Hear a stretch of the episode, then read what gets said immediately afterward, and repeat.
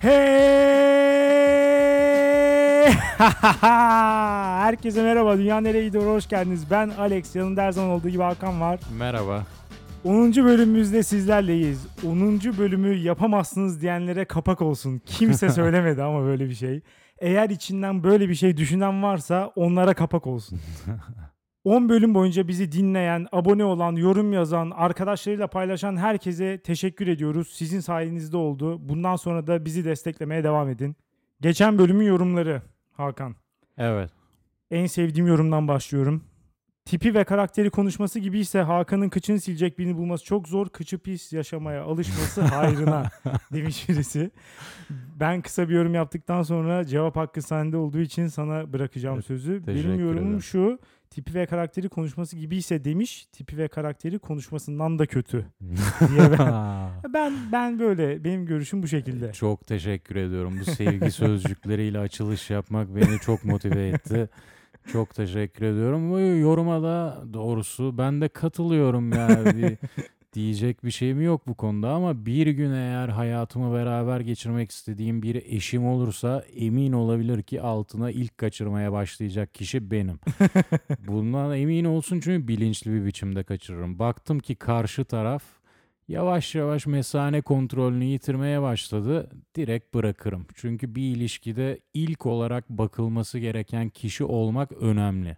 Bu oturur çünkü. Önce o kaçırırsa sonradan sen kaçırırsan der ki ya bak bana iki baktı şimdi hemen o da bakılmak istenen duruma geldi. Bir de erkeklerin genelde bu konuda bir avantajı oluyor. Erkekler mesela hasta oldukları zaman falan da hemen bir bakıma muhtaç hale gelir ya. Evet. O yüzden hani zaten 1-0 önde başlıyoruz. Bir de sen kasıtlı olarak bir golle ben atarım. 2-0 yaparım diyorsun. Ön almak şart. Bir yorumcumuz da yanlış duymuyorsam dünya liderlerinden birini yaşının insanıymış gibi değerlendirmişsiniz. Eminim 16 yaşında da sizin 16 yaşınızda yaptıklarınızı yapmıyordu Macron demiş. Evet 16 yaşında bizim hayal edip de yapamadıklarımızı yapıyormuş Macron. Öğretmeniyle beraber olmak gibi. Ama bu yorumdan benim anladığım Macron'un herhalde o yaşında olgun bir insan olduğunu söylemek istiyor. Ama bana sorarsan çocuk kalmış. Biz o hayalimizi bir noktada bırakıp olgunluk yaşantımıza başladık. Oysa O çocukluk... vazgeçememiş değil mi? Evet çocukluk fantezisini adam ömrüne yaymış. Ya ben bu şeye biraz tutuluyorum açıkçası. Bu işte siyasi liderlerin, başbakanların, cumhurbaşkanlarının falan böyle ekstra özellikleri olduğuna, daha farklı doğduklarına falan Hmm. inanma. Herkesten daha zeki olduklarına, bilmedikleri başka bir şey olduğuna falan. Buna inanmaya ben biraz açıkçası tutuluyorum. O da hepimiz gibi bir insan yani. Sadece meslek olarak bunu yapıyor. Ve işte bazı ittifakları daha iyi kurmuş. Biraz daha iyi bir hatip falan. Hani çok Biraz da daha fazla... itici olabilir o yaşında. 16 yaşındayken. 16 yaşında mı? Evet, 16 yaşında muhtemelen herhangi bir 16 yaşındaki insandan küçük Emanuel'in çok da bir farkı yoktu. muhtemelen böyle sivilceli bir ergen de o da. Ne olabilir? 16 Bence yaşında de. bir insan ne yapabilir zaten yani? Ne kadar farklı olabilirsin? Başka bir yorum şöyle denmiş. Dişilde tam güzel ama kafa kız aurası var doğru muyum demiş. Benim yorumum ya önce bir şey e, bu kafa kız kelimesi biraz hakikaten çok kötü bir anlam taşımaya başladı. şey olayı vardır ya böyle işte PlayStation oynayan, işte Oo. rakı içen, erkek muhabbeti yapan falan. Yakında insanlar artık böyle şey falan isteyecek. İşte yerlere tüküren, sümküren kız falan isteyecekler. Böyle artık giderek daha böyle hayal kız magandalaşmaya falan başladı. Böyle bir garipleşti hakikaten. Kafa kız çok da iyi bir anlama gelmiyor benim için ama güzel mi sorusuna şöyle bir cevap verebilirim. James Bond bir ajan mıdır? ya da işte Messi futbolcu mudur? Falan gibi soruların cevabıyla aynı cevabı verebiliriz. Dişil güzel midir sorusuna. Kesinlikle. Bildiğiniz gibi 10. bölümde sizden gelen konulardan bahsedeceğiz demiştik. Siz de sağ olun bir sürü konu önerisi göndermişsiniz. İki tanesini rastgele seçtik ve şimdi onları konuşacağız. Hakan istersen ilkiyle sen başla. Bahtımıza çıkan konulardan bir tanesi aseksüellik dünyayı iyiye götürüyor. İlginç bir konu başta. Yani bence de. İnsan ne düşünmesi gerekeceğini bilemiyor özellikle. Ama şunu söyleyeyim, ben biraz bakındım böyle bir hareket bile varmış. Dünya aseksüel olsun gibi mi? Hayır ama tanınma isteyen bir hareket. Ya o çok mantıklı geliyor bana. Çünkü hani çünkü hani bir sürü azınlığın görünür olması için bayağı bir şeyler yapılıyor. Yani mesela LGBT komünitesi falan oldukça aktif. Evet. İşte filmlerde, hayatın olağan akışında falan bayağı bir görünürler artık. Ama aseksüeller biraz daha her ne kadar toplumun yüzde biri kadarmış değil mi aseksüeller? evet. her ne kadar hani 100 kişiden bir tanesi bayağı yüksek bir aslında sayı. Ama ona rağmen hiç görünür değiller aslında. Ya bilmiyorum. Şimdi o dediğin grupların o tanınma hareketlerinin arkasında bir ezilmişlik var ama şimdi bir bu insanlar toplumda hor görülüyorlar, kötü muameleye maruz kalıyorlar ve bu yüzden bir tanınma hareketi içine giriyorlar. Hı hı. Ben aseksüel insanlara kötü davranıldığına inanmıyorum doğrusu. Sana biri gelip ben aseksüelim dese Aa, sen ne biçim bir insansın, sen insan mısın diye çıkışır mısın? Hayır hayır kötü kötü davranılmıyor. Ho- belki hor görülmüyor ama tanınmıyor da. Böyle bir şey de var. Yani bu statü olarak kabul edilmiyor. Bir insanın aseksüel olduğunu insanlar kabul etmekte çok büyük güçlük çekiyorlar bence. Öyle değil mi? Ama bunun için kötü muamele göstermiyorlar. Yok yok kötü değil. Sadece ama ya bir Tanınmamak, bir, şaşırmaksa evet, Evet. şaşırırsın. buna, biraz da anlayışsızlık da var ama. Yani Hmm. mesela işte ya şunu söylemek birisine karşı incitici olabilir. Mesela birisi gelip aseksüel olduğunu, herhangi bir cinse karşı e, çekim hissetmediğini falan söyledikten sonra mesela Manyak işte- mısın dersin. Başta bir ya bu zaten direkt herhalde, hakaret olur da ama şey de desem mesela ya henüz sen işte doğru kişiyi bulamamışsındır da o yüzden öyledir ya da işte sen uzun zamandır hani kimseyle birlikte olamadığın için böyle diyorsun falan demek de aslında o insanın yönelimine saygı duymamak, onu hor görmek, tanımamak anlamına gelir. Evet bu arada bu dediğin gibi birçok insan bu aseksüellerle karşılaşınca hep bir ya şu yüzden aseksüelim diyorsundur Evet. diye tepki gösteriyormuş. Bunlardan biri de bastırma. Bastırma biliyorsun iki hafta önce benim bahsettiğim bir konuydu. O yüzden e, bu konuda aseksüellik benim için böyle gökten elma gibi düştü diyebilirim. Gözüm açıldı bir anda. Kendime destek çıkabilecek bir konu buldum. Çünkü bu aseksüelliği araştırmacılar falan böyle akademik ortamda da biraz bakmaya, araştırmaya başlayınca şunu düşünmüşler. Bu bastırma olayını elemek için başka psikiyatrik semptomları var mı diye bakalım bu aseksüellerin.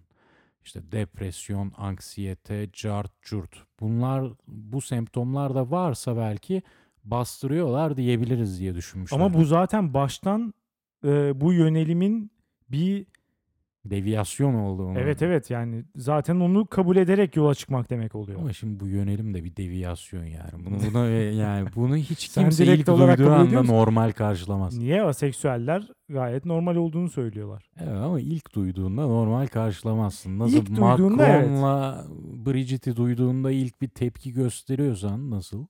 Aslında normal dersin sonunda biraz düşününce ama, Ama ilk işte- duyduğunda tepki verirsin. Evet biraz da işte baştan söylediğimiz gibi çok da fazla görünür olmamasıyla ilgili bir şey o da. Evet. Peki Bu- bir şey bulabilmişler mi? Hiçbir şey bulamamışlar. Ve sonunda bunun bir bastırma olmadığına kanaat getirmişler. Ne kadar yanlış. Ben de diyorum ki aseksüeller bastırılmış geylik. Ama iki hafta önce ne dedim? Düşünceyi fiziksel kanunlara uymak zorundaymış gibi düşündüğümüz için bir şey bir düşünceyi bir duyguyu bastırdın mı illa bir yerden işte anksiyete, depresyon çıkacak gibi bir mentalite oluşmuş. Halbuki ben bana kalırsa aseksüeller mükemmel bastırıcılar. O düşünceyi, o duyguyu, o geyliği almışlar kendi kafalarında öyle bir bastırmışlar ki yok etmişler. Yeryüzünden silmişler ve cinselliği komple hayatlarından çıkarmışlar. Ama şimdi öyle diyorsun ama bir kısmı da mesela şöyle. Aseksüellerin herhangi bir cinsel aktiviteden nefret ediyor. Haz duymamayı bırak hani biraz rahatsız oluyor Hı hı. gördüğü zaman veya düşündüğü zaman da. Öte yandan e, mesela sevme yani romantik hisleri var. Tabii o konuda bayağı kategori bile geliştirmişler. Evet. Bu konuda bir belgesel izledim ben. Homoromantik aseksüel, Heteroromantik aseksüel. İşte onun için söylüyorum eğer Biromantik, mesela bastırmışsa panromantik. panromantik hepsi herhalde evet, alayına. Ee, ama mesela bastırmışsa o zaman mesela heteroromantik olmaması lazım. Neden? Ya madem işte onun olayı latent geylik mesela Hı hı. o zaman hani cinselliği denklemden çıkarttığımız zaman homoromantik olması gerekir. Bastırdığı için. Neden sadece hani bromance'e karşı mı çıkıyorsun şu an? Bromance de var, heteroromance de olur yani. Ne var bunda? Karşı çıkmıyorum ama hani mantıken eğer bastırma sebebi cinsellikse onu aradan çıkarttığımız zaman gayet rahat bir şekilde hem cinslerinden romantik olarak hoşlanabiliyor olması gerekir gibi geliyor bana. Ama karşı cinsten de hoşlanabilir. Yani Romantik niye ilişkiye niye girebilir. de bastırıldığını düşünüyorsun ki? Belki de hakikaten Çok Bu bir- mutlular çünkü. Hakikaten ben izlediğim belgeselle baktım ve bir tane mutsuz aseksüel görmedim. ama o biraz Hepsi o kadar hayata neşeyle ve umutla ve mutlulukla bakıyorlar ki bu insanlar mükemmel bastırıcılar olmak zorundalar. Herhangi bir mental sorunu alıp onu pat yok ediyorlar. Bu kesin. ama biraz da belgesel olduğu için öyledir bence. Yani çünkü hiç de kolay bir hayat yaşamıyorlar. Düşün, Ya ne? düşünsene. Nasıl? ya kesinlikle öyle. Sen kendinden düşünüyorsun. Cinsel garip. hayatları yok o yüzden Hayır, çok hayır, hayır. kolay bir hayat. Yo, yaşıyor. yo, kendileri rahatsız oluyor diye değil. Yani toplumdan gelen baskı o yönde. Mesela bu insanlar yalnız hissediyor olabilir veya işte cinsel çekim duymuyor olabilirler ama mesela romantik çekim duyuyorlarsa yine de bir insana onunla beraber olmak isterler. Ama o insan peki onlarla beraber olmak ister mi? Sen Hmm. mesela ister misin e, cinsel ilişki asla hayatın boyunca yaşayamayacağın birisiyle birlikte olmak? Bir, yani bir sürü insanı bu zorlar. Çok kişi kabul etmez bunu. O yüzden İnsanla göre değişebilir diyebilirim derken de kafamda yine soru işaretleri oluşmuyor değil tabii. şu yani işte bunu bunu Zor bir partnerine tercih. kabul ettirmek çok kolay bir şey değil. O yüzden e, eğer hiçbir kimseye hiçbir şekilde çekim duymuyorlarsa biraz kolay bile olabilir hakikaten. çünkü yani çünkü hani hiçbir şey uğraşmaya gerek yok zaten. Herkesle arkadaşsın. Şey böyle sonsuz bir friend zone içindesin. Pan romantik sen sıçtın. E, evet mesela o kötü. Yani çünkü birilerinden hoşlanacak ama o hoşlandığı kişilere onların istediği şeyi verememenin bir ağırlığı var. Onun dışında işte toplum senden evlenmeni bekliyor, çocuk yapmanı bekliyor falan. Dolayısıyla bu ya bu çok kolay bir hayat değil bence. Ve yine de çok mutlular. Benim tezim kanıtlanıyor. Bu insanlar bu kadar zor koşullarda bütün bunları bastırıp çok mutlu bir hayat sürebiliyorlar. Hemen bir destek daha çıkayım. Hepimizin sonu aseksüellik değil mi? Yaşlılık. Yaşlanınca hepimiz duygusal olarak da, dürtüsel olarak da seksten geri çekileceğiz ve cinsellik hayatımızdan çıkacak. Yaşlılıkta evet. Ve istediğin araştırmaya bak toplumun en mutlu kesimi yaşlılar. Düşünebiliyor musun? Ölüme en yakın kesim ve toplumun en mutlu kesimi. Ama Bu belki de- insanlar bir şeyi becerebiliyor demek ki. İşi Alıp biliyorlar bütün diyorsun. mental problemleri artık bastırıp düşünce, duygu ne varsa rahatsız edici bunu yok edebiliyorlar demek ki. Bilmiyorum sen aseksüel olabilir misin hiç bu konuda bir düşündün mü? Böyle bir Yaşlanınca mı? tercihte bulunabilir Hayır şimdiden. Ya şu an olamam muhtemelen. Ya çünkü bu ya bir kere içinde öyle bir dürtü varsa bunu iptal etmek çok da kolay değil bence. Bir sürü şey de buna bağlı bir yandan. Yani insana yaşam sevinci de veriyor öyle değil mi? Libido biraz da Evet. yaşama sevincidir.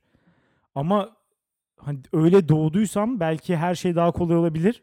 Ama öyle doğmadıysan ona döndürmek ne kadar kolay? Çok da kolay olduğunu ben zannetmiyorum yani. Değil mi? Onlar için bu benim tercihim değil. Kimseye karşı bir şey hissetmiyorum. Evet. Peki şöyle olsa ne dersin mesela?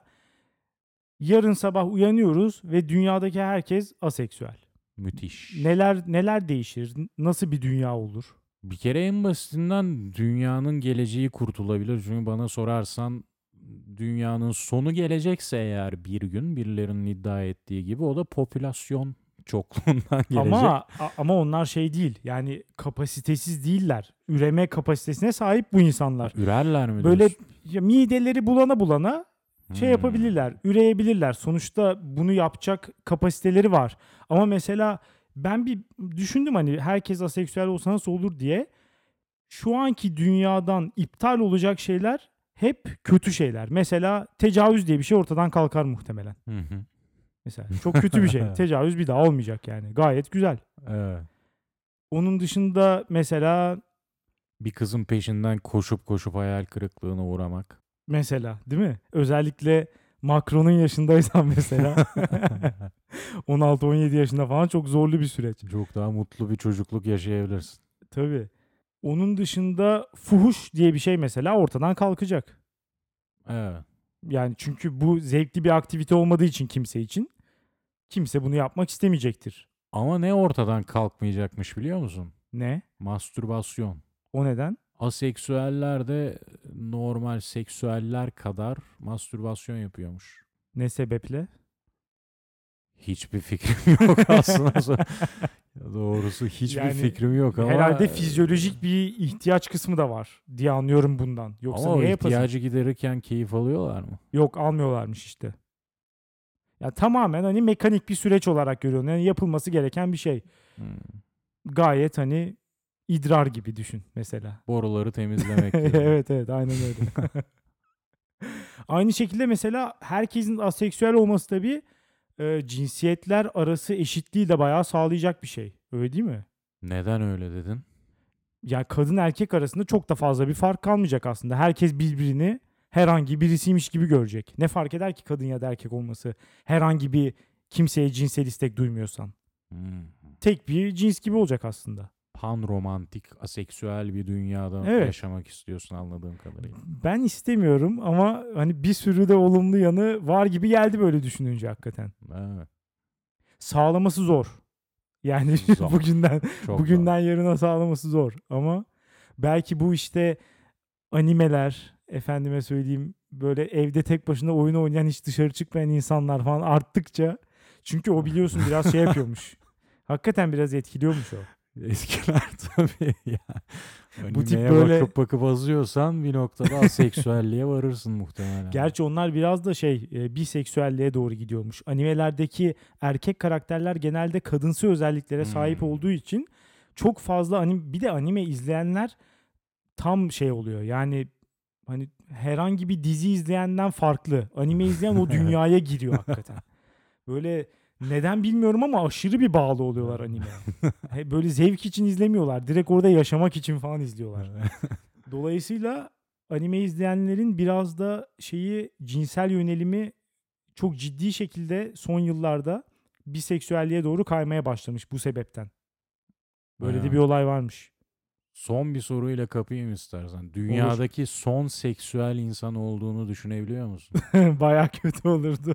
Çok acı bir durum olurdu herhalde. Şeyler falan var ya böyle işte dilsizim, sağırım, körüm falan önüne böyle tabelaya yazıyor. Öyle bir şey falan yapar. Di- Dilenir, dilenirdim yani insanlardan. Çünkü şey imkansız herhangi birine işte böyle flört, kur yapmak falan. On, ya çünkü birisini ikna edemezsin buna. Hiçbir Evet. şekilde ilgi duymuyorlar. Ancak hani acıma şeklinde. Onlar bana bahşederse sadece sahip olabiliyorum. Ben herhalde key- o beni yöne. keyif aldığına inandırabilecek biri arıyorum. Nasıl yani? Gerçek hayata gitgide benzemeye başladı. Seksüel dünya. Her dönem de işte böyle kendi içinde ticari fırsatlarını yaratıyor.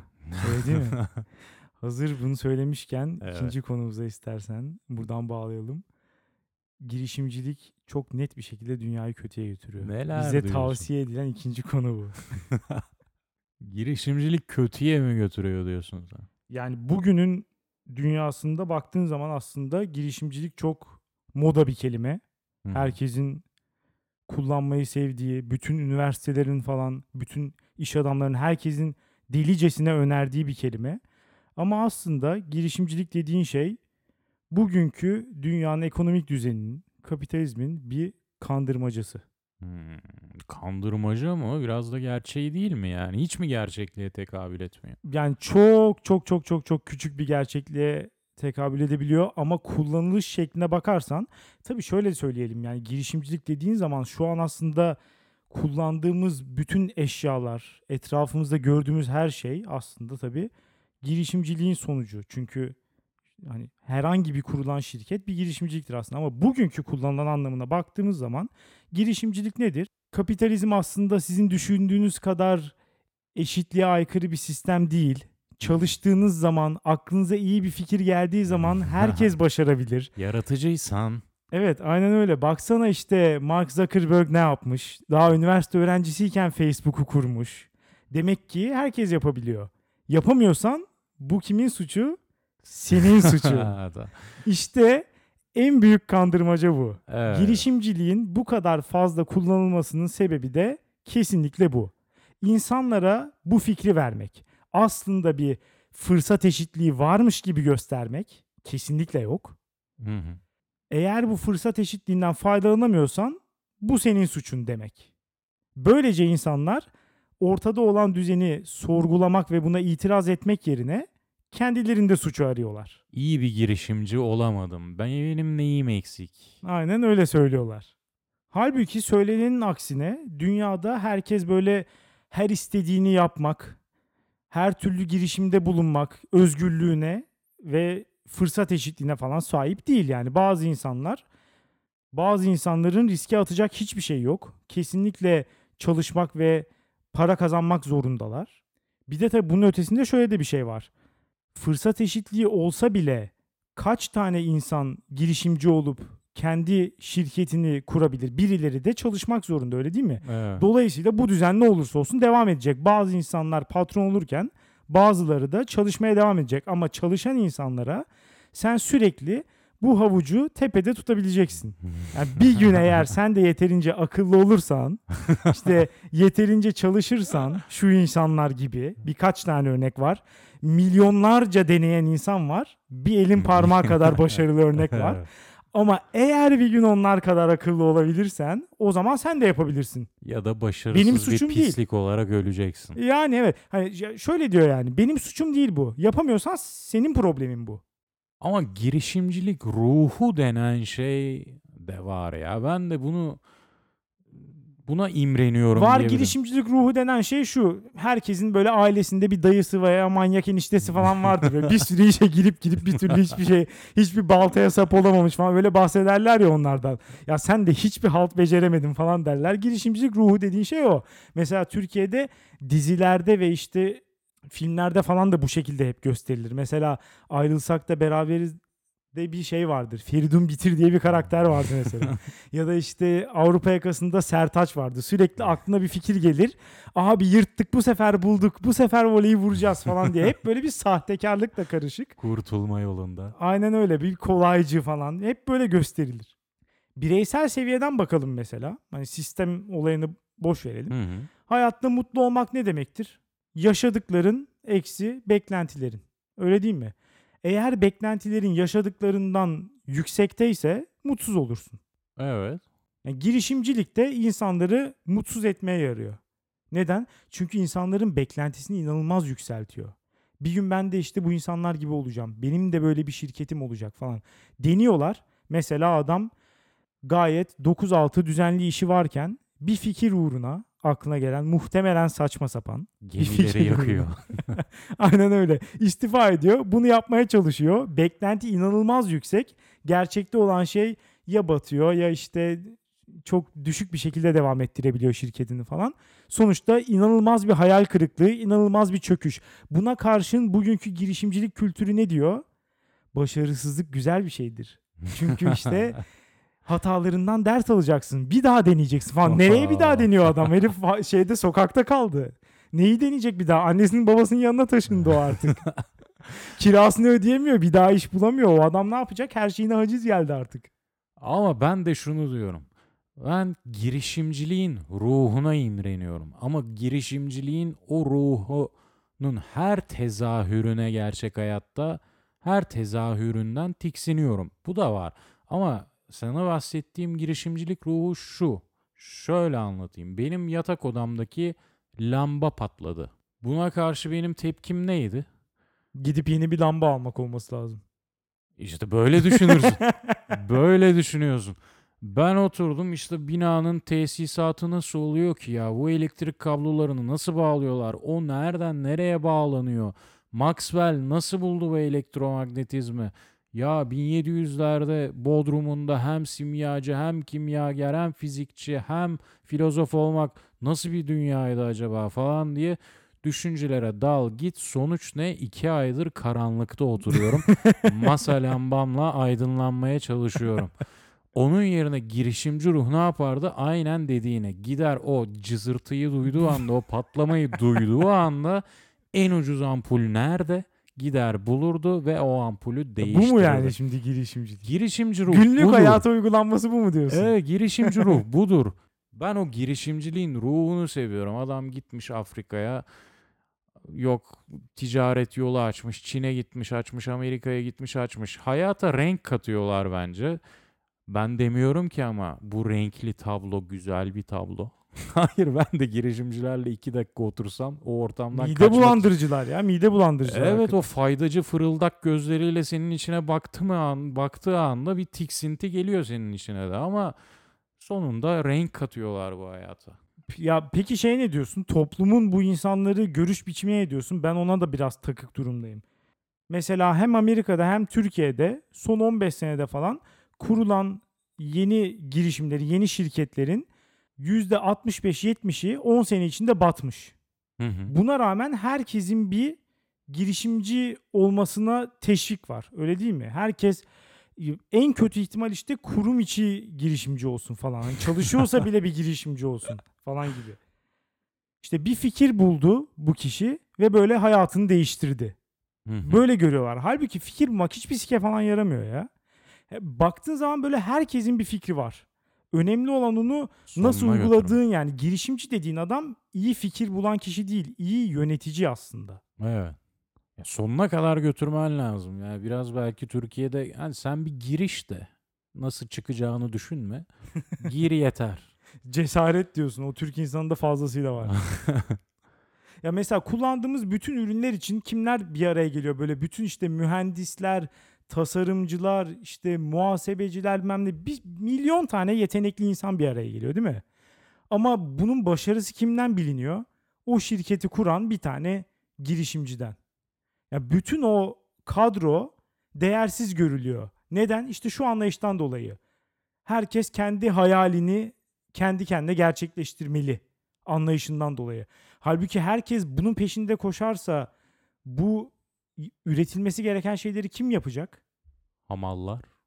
Yani işte ama onlar da mesela sürekli bu hevesli olması lazım. Kimse çalışmak istememeli yani. E, bir kısım Hiçbir saygı duyulmuyor çünkü artık bunlara. hangi ideolojiyi kurarsan kur bir kısım mutsuz olacaktır.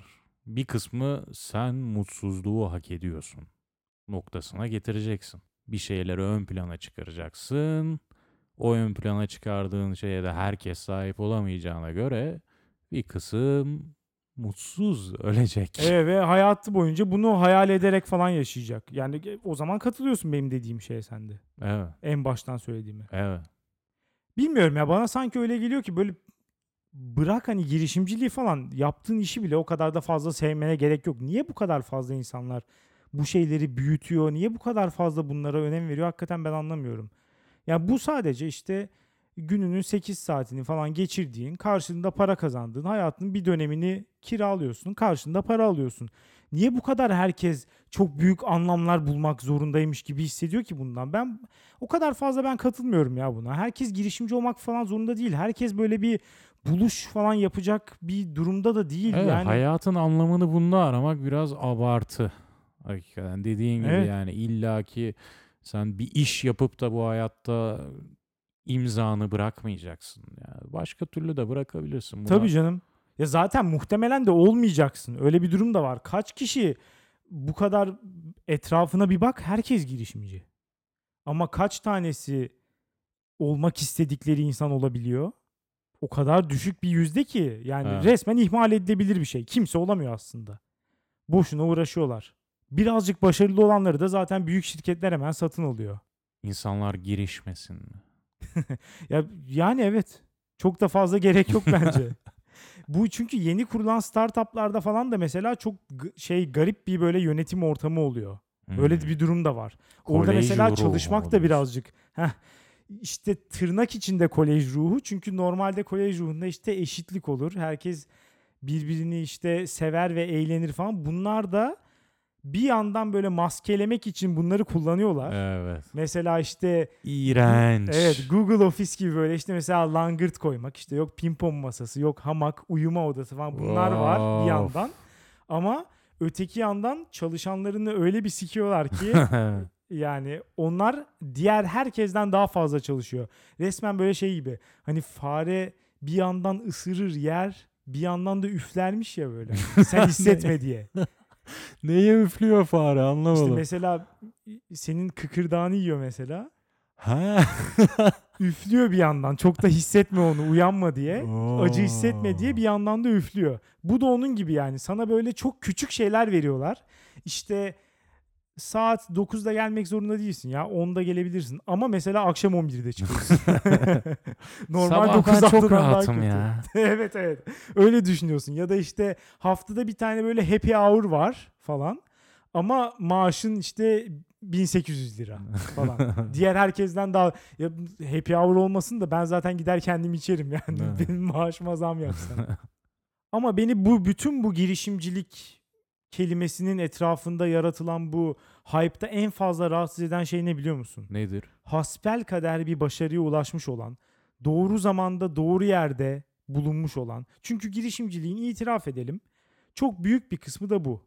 Öyle değil mi? Yani doğru zamanda doğru ihtiyaca cevap verebilmek. Evet. Çok da büyük bir marifet değil yani. Ama bu insanlar en küçük bir başarı elde etsin hemen ne yapıyorlar? İşte bilmem kaçıncı girişimcilik konferansı. Şu adam geliyor bik bik bik bik konuşuyor. Öbürü geliyor bik bik bik bik konuşuyor. Her şeyi çok iyi biliyorlar. Girişimcilik dersleri. Dersleri veriyorlar tabii. Ama bir yandan da girişimci olunmaz, girişimci doğulur diyorlar falan. Evet. Böyle bir inanılmaz bir çelişki. Bu bir yetenek mi? Bu bir ruh mu? Doğuştan mı geliyor? Sonradan mı öğreniliyor? Sonradan öğrenilmiyorsa bu insanlar neden 550 lira verip o konferansa gidiyorlar? Oralar bayağı bir karışık yani. Böyle bir tane adam şirketi kurmuş, gitmiş birine satmış. Sonra hayatı boyunca konuşma yaparak daha da fazla parayı oradan kazanıyor falan böyle. Artık insanlara girişiyor. Aynen öyle. Asıl girişimcilik Evet. orada gerçekten. Önce Parayı işe, buradan kazanacaksın. Sonra insanlara girişeceksin. İşte başarılı girişimcilerin 10 özelliği işte ve ya da böyle sabah kalkınca her şeyden önce yaptıkları 3 şey falan. Ya o insanlar hepsi aynı şeye mi girişti yani? Hiç, Hiç mi ya. girdiğin şeyde biraz Herkesin belirleme? başka bir rutini vardır. Herkesin başka bir davranış seti vardır. Sen öyle başarılı olursun, o öyle başarılı olur. Yani bunları dinlemek sana ne katacak? Aynı onlar gibi mi yaşayacaksın? Ne Ha, yapacaksın yani? Bir tanesi başarılı oluyor sonra onun üstünden sanki evrensel bir başarı kriteriymiş gibi onun karakteri. Hop onu ön plana çıkar. Aynen öyle. Bir de tabii herkes de birbirini şey yapıyor. O da var. Herkes birbirini destekliyor. O çok iyi, bu çok iyi. Herkes birbirini övüyor. Herkes kendini övüyor falan. Ya bir siktirin gidin ya. Ne yapıyorsunuz Balon, siz? balon yaratmak zorundalar. Çünkü hakikaten temel zayıf. Onun üzerine bence balonla çıkabiliyor. Hakikaten aynen öyle. O zaman aynı fikirdeyiz diye düşünüyorum. Girişimci gerçekten de dünyayı kötüye götürüyor. Girişimcilik ruhu güzel. Sen de bak sen de o şeyi yemişsin. Sen de ruh falan demeye başlamışsın. Ruhu güzel, tezahürleri kötü. O zaman kapatalım istersen. Peki. Dünya Nereye Gidiyor'un 10. bölümünü dinlediniz. Daha nice 10 bölümler olması için abone olmayı, dinlemeyi, arkadaşlarınıza tavsiye etmeyi, yorum yapmayı, bizimle iletişime geçmeyi unutmayın. Hepinize çok teşekkür ediyoruz. Haftaya salı görüşürüz. Güle güle.